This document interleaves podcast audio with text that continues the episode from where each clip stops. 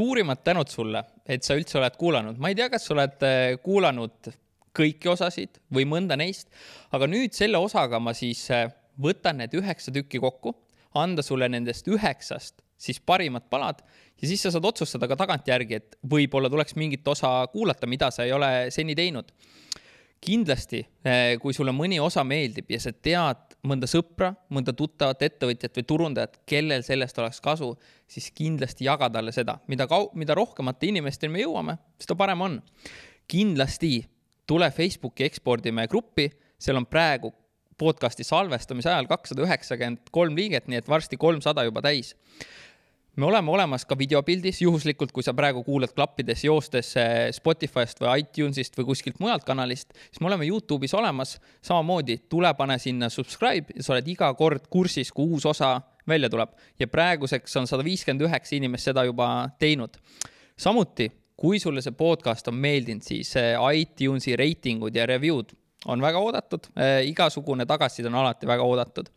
ja erilise tänu ma tahan öelda Tauri Laanele, kes on äh, Youtube'i videote alla ja ka ekspordime Facebooki gruppi teinud iga kord saates sellise kokkuvõtliku kontsentraadi, mida ta teeb küll enda jaoks ja mis on väga hea, et sa maksimaalselt siis õpiksid, aga see on ka teistel, et äh, kui ma täna seda podcast'i kokku panin, siis samamoodi ma vaatasin tema märkmeid, vaatasin enda märkmeid, mis ma olin tegi, teinud ja tuletasin meelde siis eh, ka podcast'i salvestamise ajal, mis need parimad palad olid, mis siis eh, kõlama jäid. ja kuula saade lõpuni, sellepärast et saate lõpus ma siis hõikan välja ka top kolm osa, kes siis kogusid kõige rohkem eh, kuulajaid ja vaatajaid. ja üks asi muutub veel järgmistest osadest ja see on podcast'i formaat, et ma olen kuulnud eh, heas mõttes nurinat, et Timo podcast'i need osad on nii pikad, et ma pean juba jooksma pool maratoni, et see ära kuulata või tegema väga pika trenni, et siin tõesti pikemad osad on veninud pea kahetunniseks ja tund nelikümmend viis.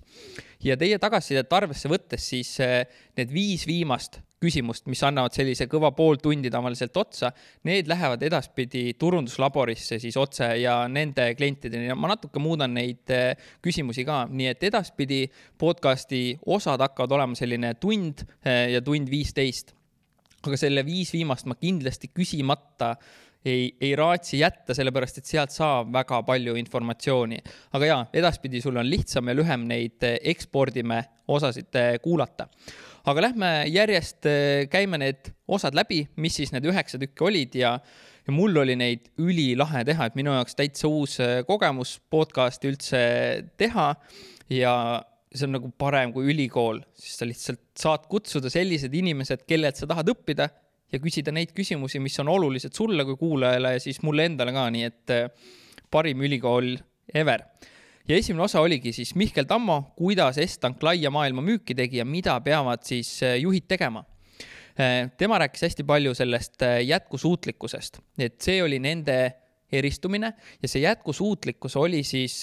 läbi kogu selle kliendiahela, et kuidas ta võttis külalisi näiteks Teslaga vastu, kuni sellele, et ta andis kaasa mullas laguneva märkmiku siis, kui klient ära läks ja, ja nemad olidki, see on maailma mõttes oluline jätkusuutlikkus ja eristumise mõttes ka. Äh, kohtumistel ta rääkis sellest, et äh, võib julgelt jääda iseendaks, et käia vabas rõivas, käia, olla tätoveeringutega, mitte neid ära peita, käia tossudes, sketsides, on ju, et see eriti sellistes vanades nišides oli just see, et eh, seda vaadati kui väga värskendavat eh, tuult ja see ei olnud kuidagi üldse probleemiks, et eh, pigem oli hea, ütles, et sai inimestega palju kiiremini kontakti. EAS-i ekspordime kontaktreise kiitis ja ütles, et igalt reisilt tuli tegelikult mingi selline kasulik klient sulle kaasa, nii et tuleb ise käia ja neid uksi avada, et keegi neid, keegi teine neid sinu eest ei ava. ja, ja tõesti, EAS-i kiitis väga palju samamoodi kiitis LinkedIn'i, ütles LinkedIn tööriistana väga hästi aitas, aitas äh, suhelda, kontakte luua ja kontakte hoida. Äh, samamoodi tuleb siis kogu aeg tema sõnul mõelda sellele, kuidas saaks kliendile paremat teenust pakkuda ja väärtusahelas ülespoole liikuda, et mitte olla see Eesti lihtsalt allhanget pakkuv äh, tehas. et seal siis muidu lõpuks tambitakse sind hinnaga maha ja nemad tegid siis, tõid sisse uusi protsesse, uusi teenuseid, et see kõik oleks selline hästi mugav ja mõnus. ja rääkis ka sellest, et juhi roll peaks olema juhtida, kuigi kui ta Estanki läks, siis ta hakkas tegelema hästi palju müügiga ja müügijuhtimisega ja käiski ise nendel EAS-i kontaktireisidel, avas, avas neid uksi ja tõi diile koju, aga ütles ka, et ühel hetkel on see, et juht peab enda pealt selle ülesande ära andma, sest juhtimine võtab palju aega. see kultuuri loomine, see visiooni loomine, et see kõik on ajamahukas tegevus ja, ja, ja sama, et juht juhi laud peab olema puhas, et ta jõuaks päriselt siis eh, juhtimisega tegeleda sealt edasi, eh, osa number kaks oli Heiki Mägi, eh, milliseid samme astub FitLab, et siseneda UK turule. FitLab on siis teenus, mis aitab sul toitumist ja trenni paremini kontrolli all hoida ja sulle siis toeks olla. tema soovitus oli see, et pigem ära alusta Eestist ja vaata Soomest ja, ja Lätist kaugemale, et nemad hakkasidki, nemad alustasid Eestist ütleski, et see oli ühtepidi nagu õnn ja õnnetus, et see Eesti edu uinutas, aga väljaspool elu on natukene midagi teistmoodi. ja, ja rääkis ka sellest, kuidas Eestis oli siis see kogukonna roll hästi suur ja sellepärast, et Eesti on ka hästi toredalt väike, et kõik inimesed justkui teavad üksteist. ja UK suunal oli siis seda kordades rohkem ja kordades keerulisem luua just seda kogukonna osa, et sa võid neid Facebooki gruppe luua, aga need inimesed ei tea üksteist, et noh, siin nagu stiilis Türi, Paide ja Viljandimaa inimesed on noh, nii lähedal UK-s kuskil kõik laiali, on ju äh, samamoodi rääkis sellest, kuidas siis kõik töötab tegelikult kordades kehvemini, kõik reklaamid on kordades kallimad kui meil, nii et jällegi sellega on juba vaja eos siis äh, arvestada. Äh, äppi luues ta soovitas pigem mõelda et mida sealt ära võtta võiks, mitte see, et looks selle feature'i või selle asja veel sinna juurde ja teeks seda veel ja kolmandat, vaid, vaid pigem just see, et minimaliseerida, mis veel ära võtta, et inimesel oleks võimalikult lihtne siis seda kasutama hakata. Eh, juhin rääkis eh, sellest, et eh, tegele juhtimisega ja rääkis ka sellest, kuidas siis tal endal oli natuke raske lahti lasta sellest, et äh, ise sa pead juhina justkui kõigest kõike teadma, et äh, ühel hetkel ta jõudis ise sinnamaani, kus ta juhina sellest ei teadnud ja see oligi täiesti okei okay., sest lõpuks on vaja palgata ju inimesi, et nemad teeks selle töö ära, et sa ei pea olema kõige targem inimene ruumis, et igal palgatul on oma oskus, äh, mida ta siis teeb ja mis väärtust ta sinna lauale siis paneb, on ju klientidega soovitas pidevalt koostööd teha, et õppida mida neil päriselt vaja on, teha ka eeltööd, et vältida seda, et tehakse pikalt tööd, kliendiga ei suhelda ja siis tuuakse turule mingi asi ja siis avastatakse, et pagan, seda ei ole kellelgi vaja ja samal ajal on raisatud nii aega kui, kui ka raha, on ju. Eh, LinkedIni kiitis samamoodi nagu Mihkel Tammo, et on tähtis tööriist ja tema lähenemine oligi see, et eh, kuule, kas sul on äh, lõunaks aega või kas sul on aega mulle viisteist või kakskümmend minutit nõu anda ja selline pehme lähenemine erinevatele inimestele siis sobis väga hästi, võeti vastu ja ma olen ka kuulnud juba, kuidas äh, osad podcast'i kuulajad on seda kasutanud ja öelnud, et tõesti töötab väga hästi. ja, ja sama, nii nagu ütles ka Mihkel, et ise on vaja käia ja endale uksi avada, äh, käia siis kohtumistel, käia lõunatel, võtta inimestega LinkedInis ühendust, ühendust, käia konverentsidel. sealt edasi, kolmas osa oli siis Eivor Maiväli, kuidas Roman Tavast UK turule ideest esimeste klientideni jõudis. Roman Tavast siis läks UK turule rinnamärkidega, võttis fookuse ühele tootele, et ei läinud terve siis tooteportfelliga sinna rääkis sellest, kuidas Eestis nad võtsid hästi teadliku positsiooni, et nemad ongi kõige kallimad, kuna nad ka teadsid, et nende kvaliteet on kõige parem. see alguses viis küll äh, selleni, et äh, mingid kliendid kukkusid ära, kui nad pärast nägid, et nad saavad mujalt kehvemat teenust, toodet, nad tulid tagasi rääkis sellest, et turu-uuringut kindlasti tasub teha, et nad tegid ise ka Soomes turu-uuringut, helistasid kliente läbi, aga on see, et sealt saadavad vastused ei pruugi olla nüüd sada protsenti tõde, et kui nad küsisid soomlaselt ka, et kas on probleem Eestist ostes, said nad vastuse, et ei, ei ole. kui nad päriselt hakkasid lõpuks Soome müüki tegema, siis tuli välja see, kui palju soomlane kaitseb siis tegelikult enda turgu. ja see on tulnud ka nende podcast'i pea kõikidest osadest läbi, et Soome on väga-väga keeruline müüa, tundub tõesti, et noh, mis see siit üle lahe laevaga sõita on, kiirem kui sõita bussiga Tallinnast Tartusse, aga turg väga-väga keeruline ütleski, et fookus võtta ühele tootele, kui eksporti teha et nii on ressurssi parem jaotada, valisid sellise toote, mis nende endale marginaali mõttes kasumlik oli ja kus nad nägid, et neil on võimalik siis päriselt müüki teha. Nad tegid selle vea, et nad võtsid agentuuri, tegid kalli veebi, said kuldpuna ainuke asi, mida nad ei saanud, oli müük. ja rääkis sellest, kuidas ise on võimalik võtta valmis template ehk siis valmis kujundus veebilehele, panna see WordPressile külge, panna leht üles ja hakata siis UK-sse müüki tegema. samuti rääkis sellest, et nad lokaliseerisid hästi palju, et nad võtsid eh, kohaliku UK aadressi, numbri ja ka selle, et kui kõne vastu võetakse Eesti kontoris, on ikkagi see inimene räägib väga head inglise keelt ja just UK inglise keelt samamoodi rääkis sellest, et kõik tekstid on vaja native speaker itel üle vaadata ja just selles võtmes jällegi, et mitte lihtsalt inglise keeles, vaid et kui sa müüd UK-sse, siis ikkagi UK, kui sa müüd USA-sse, siis USA native speaker. Äh, nemad küsisid hästi julgelt äh, klientide tagasisidesid, sest see on sotsiaalse tõestuse printsiip, et kui äh, on olemas lehel klientide tagasisidet, siis see uus külastaja näeb seda, usaldab siis samamoodi. ütles, et neil olid väga vähesed äh, inimesed, kes ütlesid neile ei ja enamik andsid. aga jällegi, ise tuleb aktiivselt siis on ju küsida. Äh, tema kasutab äh, Hrefs, ahrefs.com'i linkide analüüsiks, rääkis SEO-st, rääkis sellest, et lingid määravad seda, võin kinnitada digiturundajana seda, et lingid tõesti määravad seda, kui hästi sul Google'i otsingutes läheb ja nemad siis ostsid ka linkide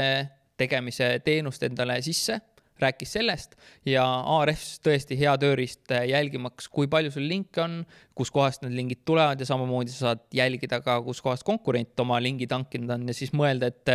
võib-olla saaks siis enda linke samadesse, samadesse kohtadesse.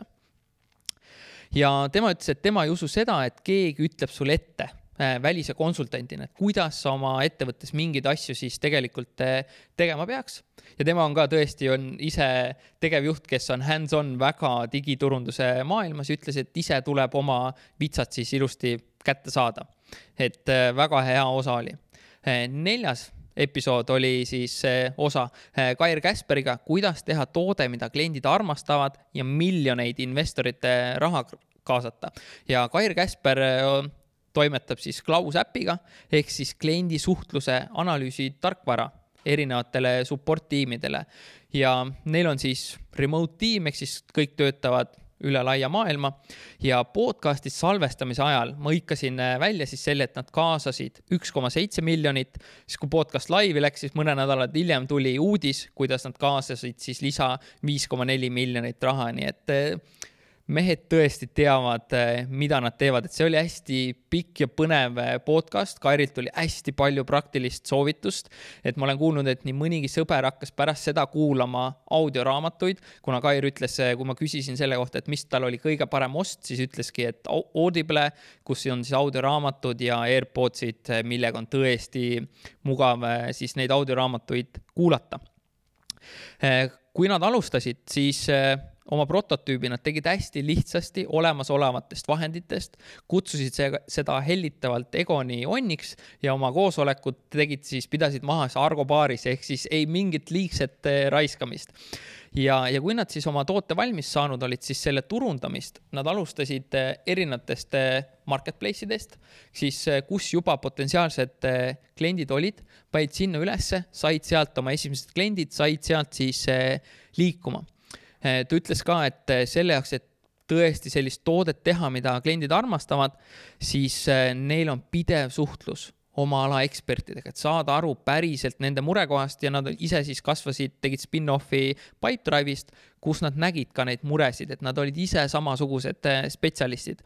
ja ütlesid ka, et eesmärgiks on siis lõpuks luua toode, mida kliendid päriselt armastavad, et ma arvan, et see on väga hea eesmärk eh, kõikidel hoida meeles, kas sul on toode või teenus, et lihvida neid detaile nii palju, et kliendid ütleks, vau, kui hea toode. et kui sa mõtled ise asjade peale, mida sa täna eh, tarbid või ostnud oled, et eh, kui vähe tegelikult neid asju on, on ju, sest neid detaile, mida paika ajada ettevõtja ja turundajana on ju tegelikult on ju hästi palju siis ta soovitas seda, et äh, raha kaasamisel valida hästi hoolikalt seda, kes susse investeerivad, sest see saab oluliseks järgnevate investeeringuringi, ringide kaasamiste puhul. et kui on hea mainega nii-öelda head mainega investorid, siis teised usaldavad seda. tõigi võr-, võrdles, et kas see on siis mingi kohalik põhikool või umbes Harvardi ülikool on ju, et eh, samamoodi järgnevad investorid vaatavad, et millise kooli sa siis saanud oled, et see investorite maine siis eh, loeb. mingi hetk tuli neil vastu võtta otsus et eh, kas Egoni Onniga ehk siis selle prototüübiga ja see nii-öelda kanajalgadel majaga jätkata või mitte või siis maha lammutada, ütles, et nad lammutasid selle maha, et ehitada siis uus ja parem, mis siis päriselt oleks vastu või võimeline vastu võtma siis rohkemaid kliente ja ütles, et ega see otsus oli väga keeruline, sest ühtepidi on vaja müüki teha ja siis teistpidi võetakse eh, raha peale, et hakata siis uuesti justkui toodet üles ehitama, et sellised väga põnevad väljakutsed, aga nad lõpuks tegid siis õiged otsused töötajad ütleski, kõik teevad äh, tööd distantsilt ja noh, eriti Covidi valguses on see väga hea, on ju. ja ütles ka seda, et äh, Kair, et niimoodi on võimalik üle maailma paremaid talente lihtsalt saada, et kui me kõik nõuaks, et on Tallinna kontoris, noh siis on päris keeruline leida selle ringi sees siit, on ju. rääkis sellest, et seo ehk siis inbound marketing on teema ehk siis kirjutasid artikleid, et saada teatud märksõnadega häid positsioone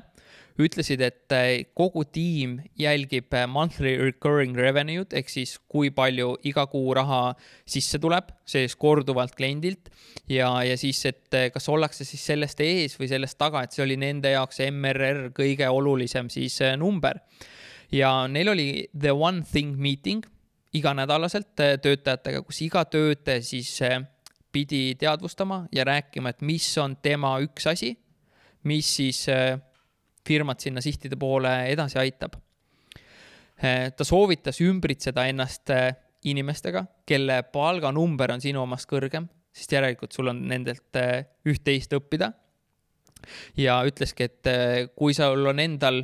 oled kõige targem inimene ruumis või saad kõige rohkem palka, siis su see learning curve kaob lihtsalt ära, et Kairil läks ka mingi hetk ettevõtja, ettevõtjana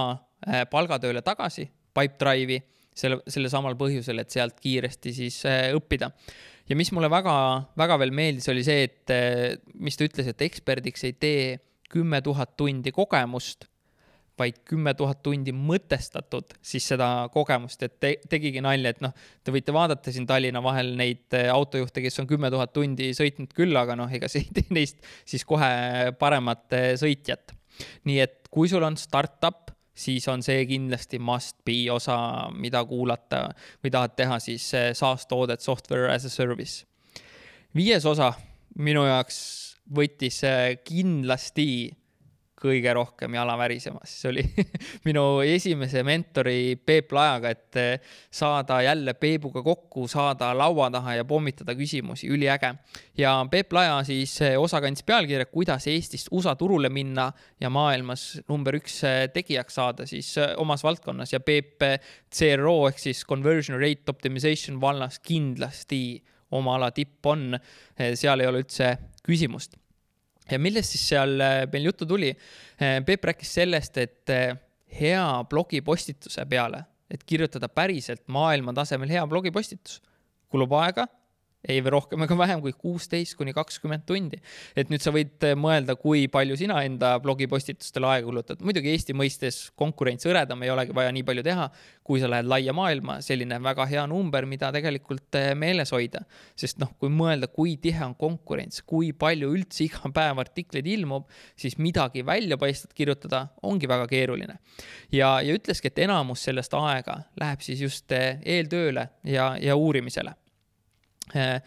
rääkisime usalduse võitmisest, ütles, valem on väga lihtne, ole aus mees, tee head tööd, ei ole vahet, kas sa teed seda Eestis või siis äh, laias maailmas, et loogika usalduse võitmiseks äh, on ikkagi sama väga mulle meeldis see, kuidas ta rääkis eh, teadlikult suhete loomisest, et vali välja need inimesed või siis kliendid või koostööpartnerid või investorid, kellega sa tahad suhet luua. ja ära siis mine niimoodi lenda peale, et eh, tule osta umbes minu toode või kaup ära, vaid on see, et hakka neid sotsiaalmeedias jälgima kommenteeri, kirjuta ja kirjuta asjalikke kommentaare, mis näitab, et sa oled päriselt need artiklid läbi lugenud ja kui sa nende inimeste silme alt kogu aeg läbi käid nagu aastast, kuust kuusse, aastast aastasse, siis ühel või teisel ajahetkel sul on nendega seda kontakti luua oluliselt eh, lihtsam, et ole pildil nende jaoks eh, ta soovitas mitte hakata ehitama tooteid ja teenuseid, kui sul ei ole kuulajaskonda, et kui sul ei ole kohe seda inimesteni viia, et ütles ka, et pigem siis ehita kõigepealt kuulajaskonda ja siis sa saad aru, mis muresid sa saad aidata neil lahendada, on ju.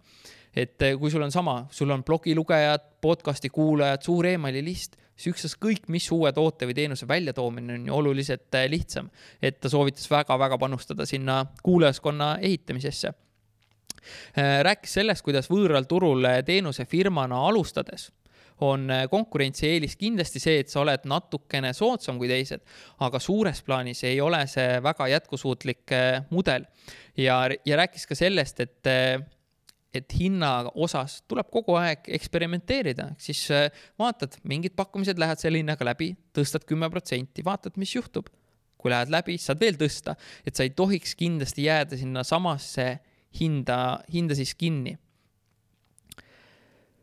ja igas äris rääkis ka sellest, et äh, kõige olulisem osa on see oma klientide tundmine, et, äh, et raha ei tohiks üldse enne tegelikult äh, kulutada, kui on täiesti selge, et kelle ja mis probleemi lahendama hakatakse, et Peep on ise ka turule toonud mitmeid tooteid, mis on ebaõnnestunud ja see on teinud tema eeltööprotsessi siis palju põhjalikumaks, et sama tehakse kliendi kvalitatiivseid intervjuuid, küsitakse uuritakse, et isegi kui saadakse aru, et kliendil on mingi probleem, siis on vaja aru saada tegelikult ka sellest,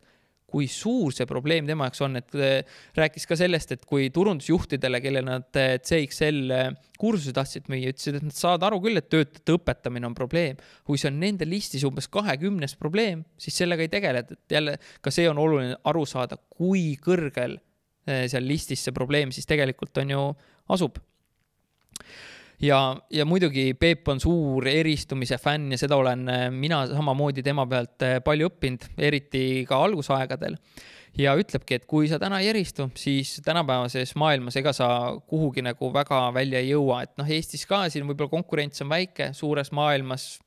see, kui kõik on nii ühesugused, sa ei paista mitte kuidagi, siis on ju silma.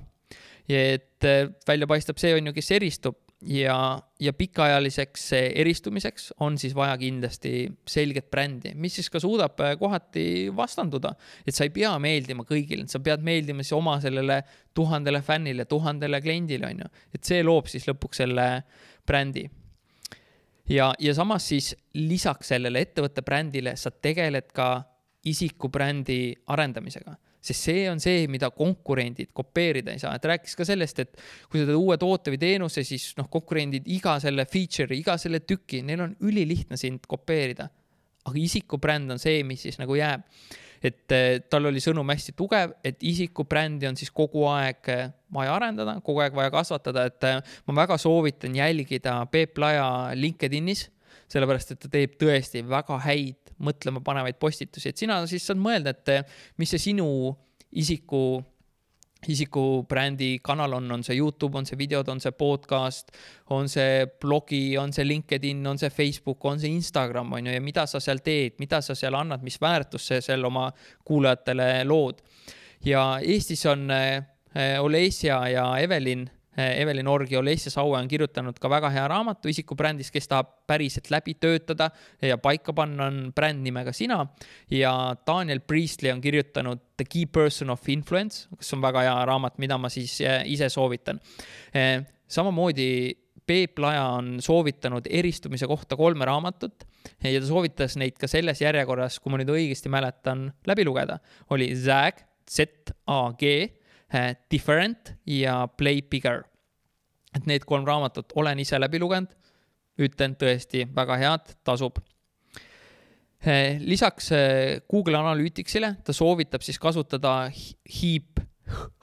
heap.io tööriista ja see siis mõõdab kõiki asju, mida on siis ka võimalik tagantjärgi analüüsiks kasutada. ja ütlebki, et enamasti jäävad küsimused vastuseta just sellepärast, et ei mõõdeta õigeid asju. ja loomulikult tuleks ka siis analüüsimiseks küsida õigeid küsimusi. ja hästi toredalt eh, kõlas ta jutust läbi see ja see, mis on väga kainestav, et mitte keegi mitte kedagi ei huvita su toode või teenus. me ise küll selle toot-, toote või teenuse loojana arvame, et kõiki peaks huvitama ja me lahendame kõiki probleeme. kui sa mõtled ka lihtsalt ennast, on ju, et eh, kui palju iga päev on meie ümber mingeid tooteid ja teenuseid ja noh, lihtsalt ei huvita. et eh, kui sa seda kuklas hoiad, siis sa ka näed ja näed asju selgemini, mida on vaja teha ja ka pingutad tegelikult rohkem, sest kui sul on see ootus hästi kõrge, et kui ma toon toote turule, siis inimesed kõik rabavad. Siis nagu vastus sellele võib olla nagu päris karm ja see võib siis eh, tõmmata su energiataset eh, allapoole päris eh, korralikult, et ole valmis selleks, et mitte kedagi ei huvita su tooted-teenused ja siis selle pealt hakkad turundama ja liikuma. kuues osa oli siis Merle Leemetiga ja rääkisime siis sellest, et milliseid õppetunde Breden Kiits üldse Soome turult sai. Ja Merle rääkis siis äh, samast asjast, et Soome turg on tegelikult nagu uskumatult keeruline ja rääkis sellest, kuidas nad siis raha põletasid ja kui keeruline võrreldes Eestiga siis seal kogukonda luua oli, et nad lootsid, et Soome puhul võiks siis minna nii, et me lihtsalt kopeerime üle lahe Eesti siis edulugu aga noh, nii ei läinud ja, ja ütleski, et see kogukonna ehitamine sellepärast keerulisem, et kui siin Tallinnas mänguväljakutel, lasteaedades emad saavad kokku, näevad Bredeni mütshalle, riideid on ju, siis nad räägivad omavahel. Soomes juba lihtsalt see, et on territoorium oluliselt äh, suurem, siis vähendab seda äh, kogukonna ehit-, ehitamist või no raskendab siis seda, on ju. Ta soovitab ka pigem minna siis ühe tootega probleemi lahendama, kui see, et sa võtad eh, kogu Bredini brändi ja lähed siis Soome turule lammutama, et noh, nemad seda proovisid, ei tulnud eh, välja. Amazoniga nende kogemused eh, head ei olnud ja ütleski, et päris palju on vaja ressurssi alla panna, on ju, muidugi aega, raha, sa pead ju sinna kaupa saatma, et sul oleks seal laos, kui see ost hakkab ja, ja rääkis ka sellest ebaõnnestumisest, kuidas nad siis tegid ko koostööd ühe transpordifirmaga ja kaubad jäid siis lattu kinni, hooaeg sai juba läbi ja nii edasi, et eh, neil head kogemused ei olnud. Ehm, tema soovitas Eestis siis õppetunnid läbi teha ja siis alles välisturgudele suunduda ja, ja see on ka minu meelest üsna nagu loogiline, sest siin Eestis sul on see lihtsalt turutunnetus kõige parem, saad ju siin teenida raha mida sa saad kasutada investeeringutena, et minnes välja. et eh, võtta see mudel, et eh, laenata raha kokku ja siis minna välisturule ja, ja õppida ja aru saada, mida kõike ei teata, kuna lihtsalt hüpoteese on nii palju, siis see võib nagu päris eh, stressirohke tulem olla. rääkis sellest, kuidas Covid neile aitas siis asju paremini läbi mõelda, efektiivsemaks muutuda, et kinnitan ise sedasama, Covid lükkas mõnusalt adrenaliini ja energia ülesse ja seesama ka ekspordime podcast ju poleks tegelikult eh, sündinud ja samamoodi turunduslabor, kui ei oleks olnud eh, Covidit. et see pani jälle mõtlema uute nurkade alt ja täpselt nii nagu esi, eelmine siis masu oli eh, pani paljud ettevõtjad üldse eksporti tegema, siis ma olen ka täiesti kindel, et praegune Covid sunnib inimesi turundajaid, ettevõtjaid rohkem õppima, tegema rohkem digiturundust, kogu, läbi mõtlema kogu seda poolt ja kui need oskused on väga head, siis see annab tegelikult ka suurepärase aluse eksportimiseks, nii et ma arvan, et need ajad, mis meil praegu käes on, on, on ainult head. Äh, Merle soovitab siis äh, J. Abrahami raamatuid ja ma kahe käega kirjutan alla kuulata ja lugeda ja õppida, kuidas mõtleb selline mees nagu J. Abraham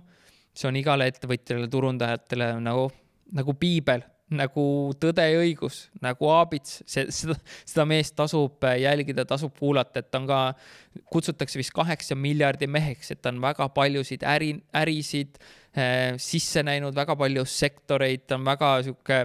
hästi, hästi avatud meelega, leiab väärtust ja seoseid seal, kus teised seda ei näe, et ma kindlasti soovitan J. Abrahami raamatud üles otsida. minu teada vist eesti keelde neid tõlgitud ei ole võib-olla mõni, kes kirjasta kuulab, siis see on mõttekoht, aga Amazonis on need olemas. ja, ja rääkis ka sellest, et elu on siis õpetun-, õpetanud tempot maha võtma ja kogu aeg mitte nii palju rabelema, sest suures plaanis ju ei ole vahet kas nende suurte eesmärkideni jõutakse siis viie või, või, või kümne aastaga, on ju. et eh, kui need ära nagunii saavutatakse, on ju, ja lõpuks ju mängitakse pikka mängu ja sa ei tohi ennast eh, läbi põletada. et ettevõtjana jah, see oht eh, meil on, meile meeldib see, mida me teeme, teeme seda kirega, kogu aeg on põnev aga kui sa seda küünalt mõlemast otsast kogu aeg põletad, siis ega see lõpptulem väga, väga hea ei ole, et eh, mulle Merle selline hästi rahulik ja mõnus olek väga-väga eh, meeldis, nii et väga soovitan eh, Merlet kuulata, kui sa seda veel teinud ei ole. seitsmes osa oli tankitõrjur TT, Teet Torim, kes siis rääkis Boost Yourselfi kogemuste ekspordi tegemisel. tema puhul sai taaskord Amazon kriitikat rääkis ka sellest, et Amazon on pidev eh, probleemide lahendamine ja võib olla niimoodi, et sa ühel hommikul ärkad üles ja viiest tootest eh, neli on siis eh, kinni pandud ja siis hakkad selle lõpmatu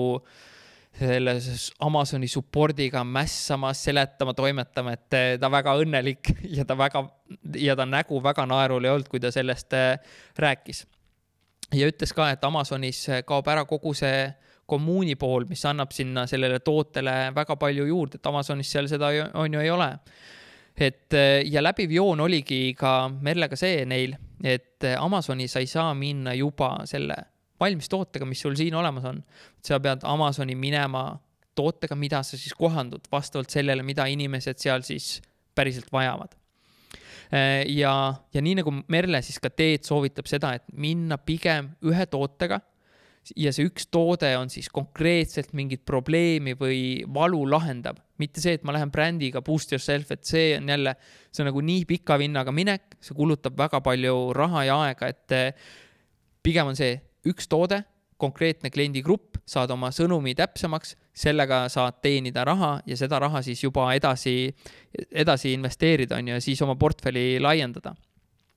ütles ka, et kindlasti laske native speaker'il, siis päriselt seda keelt kõneleval inimesel oma toote ja teenuse tekstid, mis on veebis, mis on pakenditel üle lugeda. sest kui seal on kirjavead sees, siis noh, see väga palju usaldust ei tekita, on ju. Äh,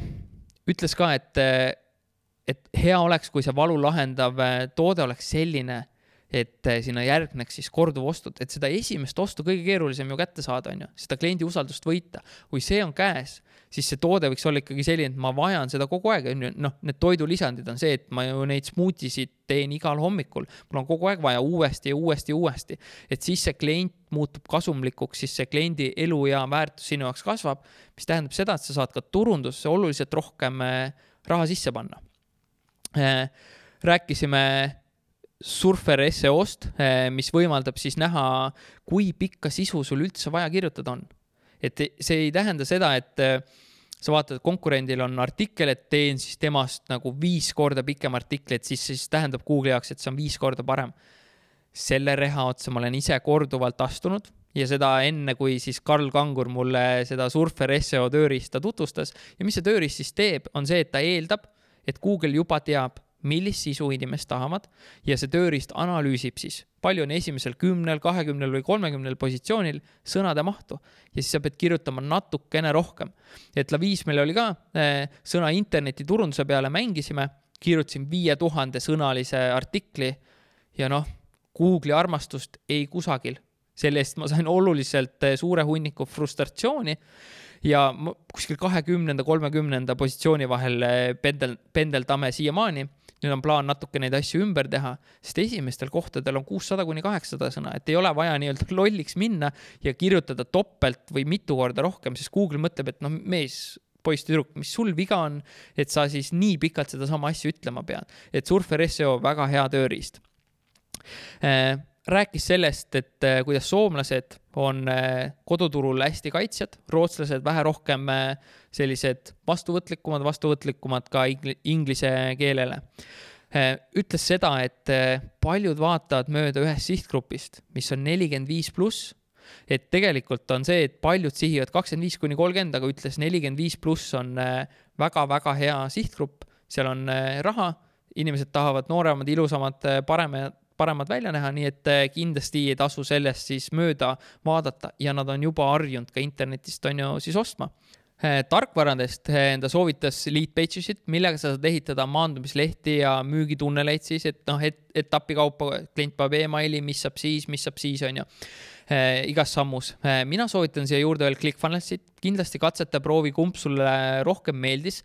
mina kunagi lead pages'it proovisin, minu jaoks see nii paindlik ei olnud ja ClickFunnels on üks nendest tööriistadest, mille kohta ma saan päriselt öelda, et mina seda tõesti armastan. minusugune turundaja, kes ei tea koodist ja disainist midagi saab panna kokku täiesti okei okay välimusega lehed, kus inimesed julgevad oma emaili jätta ja oste teha.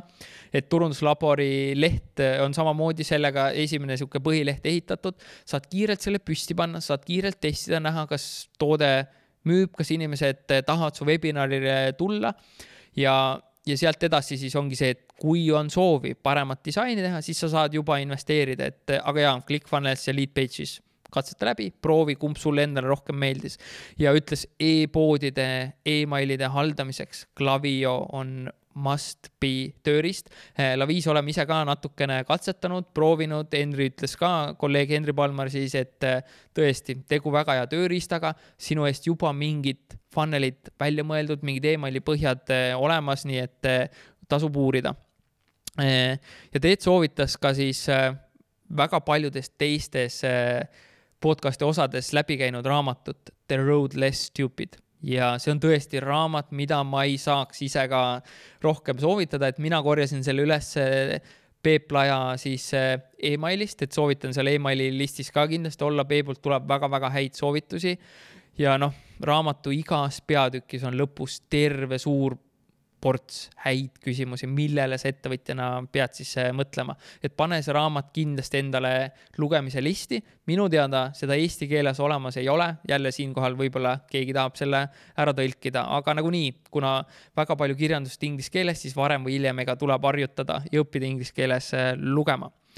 Äh, kaheksandas osas oli siis külas härra Puljong ehk siis eh, Helgor Markov, kes tõi siia maratoni stuudiosse meile ka puljongeid eh, testida ja proovida. olen ise need eh, ka läbi maitsnud, tõesti väga-väga hea tootega on tegu, kaamera taga meeskond ka noogutab, võib-olla nad on ka proovinud. Ja rääkisime sellest, kuidas Food Studio müüb siis puljongeid ja kastmeid kodumaast kaugemale Elgor oli ka hästi-hästi hea jutuga ja mulle ka meeldis see tema lähenemine, et see ole pessimistlik, et keegi, keegi seal piiri taga ei oota avasüli sinu neid puljongeid ja kastmeid. ja kui sa selle nagu mindset'i võtad või selle mõttelaadi, sul on palju lihtsam tegelikult eh, liikuda versus see, et sa lähed õhinapõhiselt sinna peale, silmad säravad ja saad kiirelt vastu näppe kiitis väga palju siis EAS-i messiteemalisi koolitusi, soovitas kõigil sinna minna, kes messidel äh, käivad. ja see podcast'i osa oligi siis, rääkisime hästi palju messidest, äh, nagu näiteks selles, et kuidas käituda boksis, on ju, et sa oled ise aktiivne, et sa ei söö, et sa ei näpi telefoni, et sa oled, sa oled väljakul, sa oled tööd tegemas ja ka, ja ka sellest, et kui on pikad messipäevad, kuidas taastuda, kuidas valmistuda, rääkis ka sellest, et nad võtsid lõpuks nagu maja, on ju, et tiim oleks koos, arutada asju läbi, söögikorrad, kõik boksi mingid snäkid, asjad, et kõik oleks läbi mõeldud, et kui ma seda kuulasin, kuna ma messidest absoluutselt ise mitte midagi ei tea, pole seal kunagi käinud põhimõtteliselt, eh, siis lihtsalt kuulad suu lahti ja saad aru, et eh, see on tippsport ja ta ütleski, et see ongi, sest noh, ühe-kahepäevase sa elad eh, seal üle või see on neljapäevane, viiepäevane ja pärast seda sõidad uuele messile kõik asjad üles panna, valmis panna, siis ei ole niimoodi, et äh, seal iga õhtu saad veini trimbata nii palju, kui nagu isu, isu on, on ju. ja, ja noh, loomulikult ta rääkis ka seda, et äri tehakse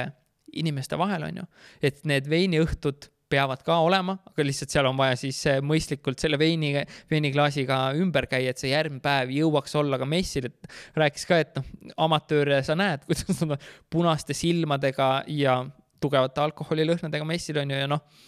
kes sellist müügiinimest siis eh, usaldab.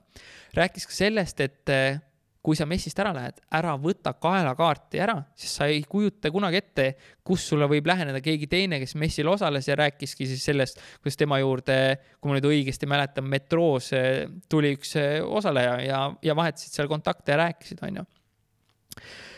Eh, kindlasti ütles, rääkis sellest, et tuleb osata öelda ka ei, kui edasimüüja tingimused sulle tõesti ei sobi rääkis sellest, et puljongist, et noh, kui sa teed kellelegi müügi, siis äh, müügi, müügikõne või müügi pitch'i või, või, või räägid kellelegi, siis ütles ka, et kas sa räägid puljongist või siis sellest, kuidas keegi selle, kuidas keegi sellest puljongist kasu saab, kuidas sa aega kokku hoiab, on ju. et jällegi räägid, kuidas sa seda kliendi probleemi siis äh, lahendada aitad. rääkis ka pakkidele, kui oluline on teha korralik disain, läbi mõelda ja väga hea siis ka copy. et, äh, et see inimene, kui sa juba selle paki kätte võtab, ta loeb, ta saab aru, millega on tegu, et see tekst teda kõnetab ja on hea, on ju, et see on üks osa, üks osa siis äh, müügist. samamoodi ütles, et hästi oluline mõelda läbi, kus su toode üldse riiulitel asetsema peavad. et kui pannakse see, ütles nende puljong sinna valmis toodete letti, siis on see, et äh, inimene sinna jõuab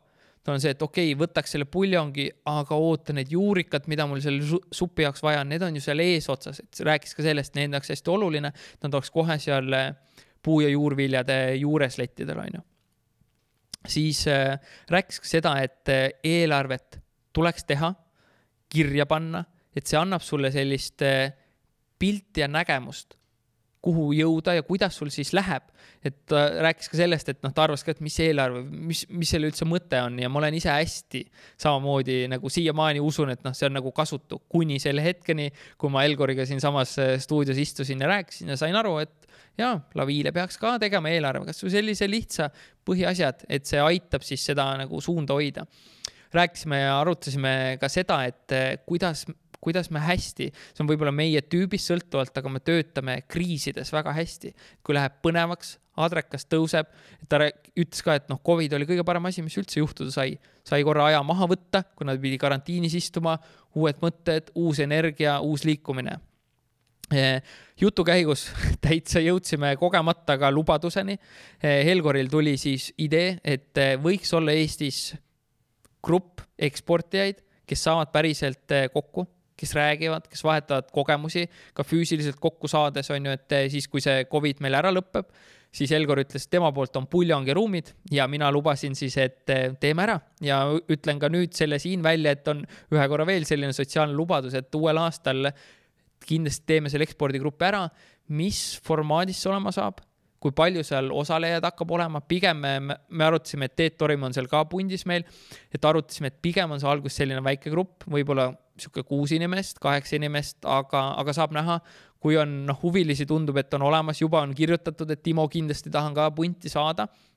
Et eh, saame näha, et katsetame jälle ära, teeme sellise prototüübi valmis ja siis saab alati, alati laiendada. Ja selle eesmärk siis sama, et õppida üksteiselt et ei peaks, ei kolistaks neid eh, samu ämbreid, hoiaks raha, hoiaks aega kokku ja läheks kohe õigesti välisturgudele. ja minu visioon on ka see, et eh, sama, et näiteks kui Elgoril on head kontaktid Rootsis, on ju, siis ongi sellel pundil on see, et kui keegi tahab Rootsi minna, siis Elgor juba saab tema jaoks avada uksi ja keegi teine, kes on mõnel muul turul, kuhu Elgor tahab minna, saab avada tema jaoks. meil on justkui sellised saadikud tekivad, kes igal pool, kellel on olemas kontaktid, kes loovad neid inimsuhteid, sest me teame, et see inimsuhte loomine kui selline võtab ju hästi palju aega, on ju, et see on, sul on vaja siin inimesele usaldust luua, tal on vaja väärtust pakkuda, enne kui ta sind usaldama hakkab. aga kui lihtne on tegelikult kedagi enda kõrvale tuua, keda sa juba ise tead, kes on teine eestlane, kes on aus, aus mees või naine, kes teeb head asja ja öelda siis oma selle kontaktile, et kuule, näed sa ma näen, kuidas tema saab sulle kasulik olla või kuidas teie saate koostööd teha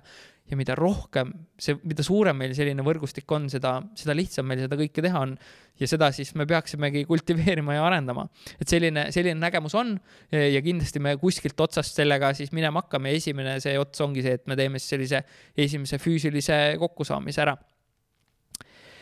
nii, ja, ja viimane osa oli siis üheksas, oli Mihkel Moosliga, kuidas Amazoni uusi tooteid viia, neid edukalt müüa. et eh, Mihkel eh, on viinud üle saja toote edukalt turule, ehk siis ei ole jäädud miinusesse, on need ära müüdud. et noh, tal oli ikka väga konkreetne mudel, kuidas seda teha. ja noh, üks osa oli sellest eeltöö, eeltöö, eeltöö, eeltöö, oota, ütlesin piisavalt seda eeltööd, et selles, see oli nagu, see on võtmesõna, ütles, kui sa sellega nagu puusse paned, siis kõige muu, kõige muu turundamise ja võimlemisega tegelikult ei ole, ei ole siis pointi ja mõtet tegelikult üldse on ju toimetada ja, ja eeltöö osas ütleski, et mis on oluline, et eh, uurida välja, mida siis inimesed Amazonist otsivad ja Amazon on samasugune otsingumootor nagu siis näiteks Google. ja Amazonist on võimalik seda infot eh, kätte saada, rääkis ka tööriistadest, kus kohas seda võimalik näha on. ja ütles ka, et jumala eest ei tohiks minna tootega, mida inimesed ei otsi, mis tähendab seda, et sul ei ole turgu seal. ja, ja teine asi ütles, et eh, tuleb vaadata, palju konkurendid käivet teevad, kas seal sektoris see, et toode väljas on, ei tähenda veel midagi, toode peab päriselt müüma ka ja need on samamoodi tööriistad võimaldavad näha, kui palju mingid tooted käivet teevad. ja kolmas asi ütles, mida nemad hästi jälgivad, on see, kui palju konkurendil review sid on, kui on palju review sid, noh siis sellega, selle konkurendiga on äh, raske tegelikult äh, võidelda. ja rääkis ka sellest, kuidas siis see review'de saamine on peamine pudelikael siis äh, Amazoni äris edu saavutamiseks, sest see lihtsalt võtab aega ja Amazoni algoritmid on siis juba väga targad. et ei ole nii, et sa, sõber läheb lihtsalt Amazoni selle lingi kaudu, mille Mihkel näiteks saadab mulle, ma ostan plaks selle toote ära eh, nagu teisi valimata ja siis eh, tellin koju, kohe kirjutan review, on ju. rääkis ka sellest, päris maailm nii ei käi, käi ja Amazoni insenerid on siis teinud väga head, on ju, algoritmid, mis siis seda tegelikult avastavad ja tuvastavad. et, et see review'de saamine ja kuidas neid ka saada, sellest siis ta rääkis. tema ütleski see, et sa pead võtma olemasoleva toote ja siis kohanduma selle sinna Amazoni jaoks ja rääkis ka sellest, et pigem siis kesk- või odavas hinnaklassis äh, olevad tooted ja high-end luksusklass sinna siis pigem ei, ei sobi. rääkis siis äh, SOP-st, Standard Operating Procedures, siis äh, kuidas kirja panna standardeid, kuidas oma ettevõttes teha ja toimetama peaks, milliseid juhendeid, milliseid checklist'e, et noh, seda meest kuulates saad aru, mis äge süsteem ehitatud on. Ja noh, enamikus ettevõtetes, kus ma olen käinud ja kus, kus mul on ka endal osalus sees, ega on olnudki tihti nagu paras, paras kaos. et selliseid ettevõtteid, kus on standardid paigas, juhendid olemas, neid kohtab vähe ja seda oli, Mihkliga oli hästi-hästi lahe, hästi lahe rääkida, et see kindlasti annab sulle ka inspiratsiooni, et see on kindlasti osa, mis tuleks igal ettevõtjal ja turundajal ära kuulata hoolimata sellest, kas sa üldse Amazoni turu peale nagu mõtled või mitte. et see tõesti hästi-hästi palju tihedalt eh, sisu, sisu täis. rääkis ka sellest, et päriselt tuleb teha hea toode, sest ega review sid sa võltsida ei saa. ja inimesed, kui sul on kehv toode, on ju, saad kehvad review'd, kehv review Amazonis on põhimõtteliselt su toote lõpp ütles, et tuleb eh, läbi mõelda korralikult toote lansseerimine, kuidas kõik käib, mis kanalid sinna käiku pannakse, kuidas ja kui palju raha panna. Ja ka rääkis siis sellest eh, ühe toote näitel, kui palju lansseerimine aega võtab, et üks toode turule viia ja kui palju raha ja kuhu see raha ka läks ja millised need numbrid olid, et väga-väga hea kuulamine ja lõppu lisas ka seda, et no meeskond, meeskond on oluline ja lisas ka seda algusesse, et eh, ilma meeskonnata suuri asju ära ei tee, et eh, igalühel jälle omad rollid, ütles ka, et ta kõigest kõike täna ise ei jõuagi, ei jõuagi teada. et sellised need üheksa osa olid, see oli selline kontsentratsioon. Ja nii nagu ma lubasin, siis siia lõppu ka, millised olid eh, top kolm kõige rohkem vaatamisi ja kuulamisi kombineeritud saanud siis osa kolmanda koha võttis eh, Merle Leemet. Eh, teine oli Mihkel Moosel, Mihklil oli kõige vähem aega, kuna ta oli viimane. tal oli kõige vähem aega päriselt kuulamisi-vaatamisi koguda, aga, aga sai neid väga-väga-väga kenasti, et, et jällegi kuna sisu oli nii hea, siis inimesed jagasid, et üleskutse sulle veel kord, kui sa näed, et mingid osad on head, jaga neid sotsmeedias, tag'i mind, tag'i külalist, siis me näeme, mis sulle korda läheb, nii et ja niimoodi sa aitad sellel heal sõnal levida. ja noh, esimese koha võttis Eesti kõige kõvem internetiturundaja Peep Laja nii et eh, teeme koos virtuaalse aplausi talle, et tema osa siis samamoodi hästi tihedalt sisu täis ja, ja tema osa pandi siis ka ajakiri edasi org palus, et kas võib avaldada ja loomulikult me seda lubasime, et seesama, et mida kaugemale inimesteni see kasulik sisu jõuab, seda loodetavasti vähem vigu me teeme ja seda targemini me ekspordime. nii et suured tänud sulle kuulamast ja varsti on uus osa uute külalistega, keda mul on nimekirjas juba väga palju, sest ma näen, kui palju põnevaid lugusid on, on varsti sinu ees ja me praegu jätkame tempoga kaks korda kuus ja mine sa tea, sügisel, kas me tõstame seda tempot või mitte, et, et saab näha. nii et igatahes sulle suured tänud veel kord ja üliägedat uut aastat. tänud, et sa oled selle podcasti lõpuni kuulanud. Enne kui sa ära lähed, kui sa tahad korralikult läbimõeldud veebilehte, mis aitab äh, sul müüki kasvatada ja oleks siis heaks eelduseks, kui sa tahad minna välisturgudele või sul on mõni muu turundusalane väljakutse, siis äh, mine lavi.ee ja vaata, võib-olla saame sulle abiks olla. samuti, kui sul on vaja kvaliteetset sisu, olgu see siis video, olgu see siis heli ja nõuga, kuidas siis seda levitada, eh, et oma klientidele väärtust luua ja jälgijaskonda kasvatada, siis maratonstuudios.ee on kindlasti see koht, eh, mida uurida ja kuskohast alustada. olen Ahti ja Markoga väga palju koostööd teinud,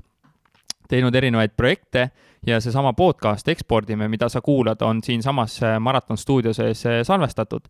ja julgen neid mehi nagu tõsiselt soovitada. ja miks? on see, et nad on profid,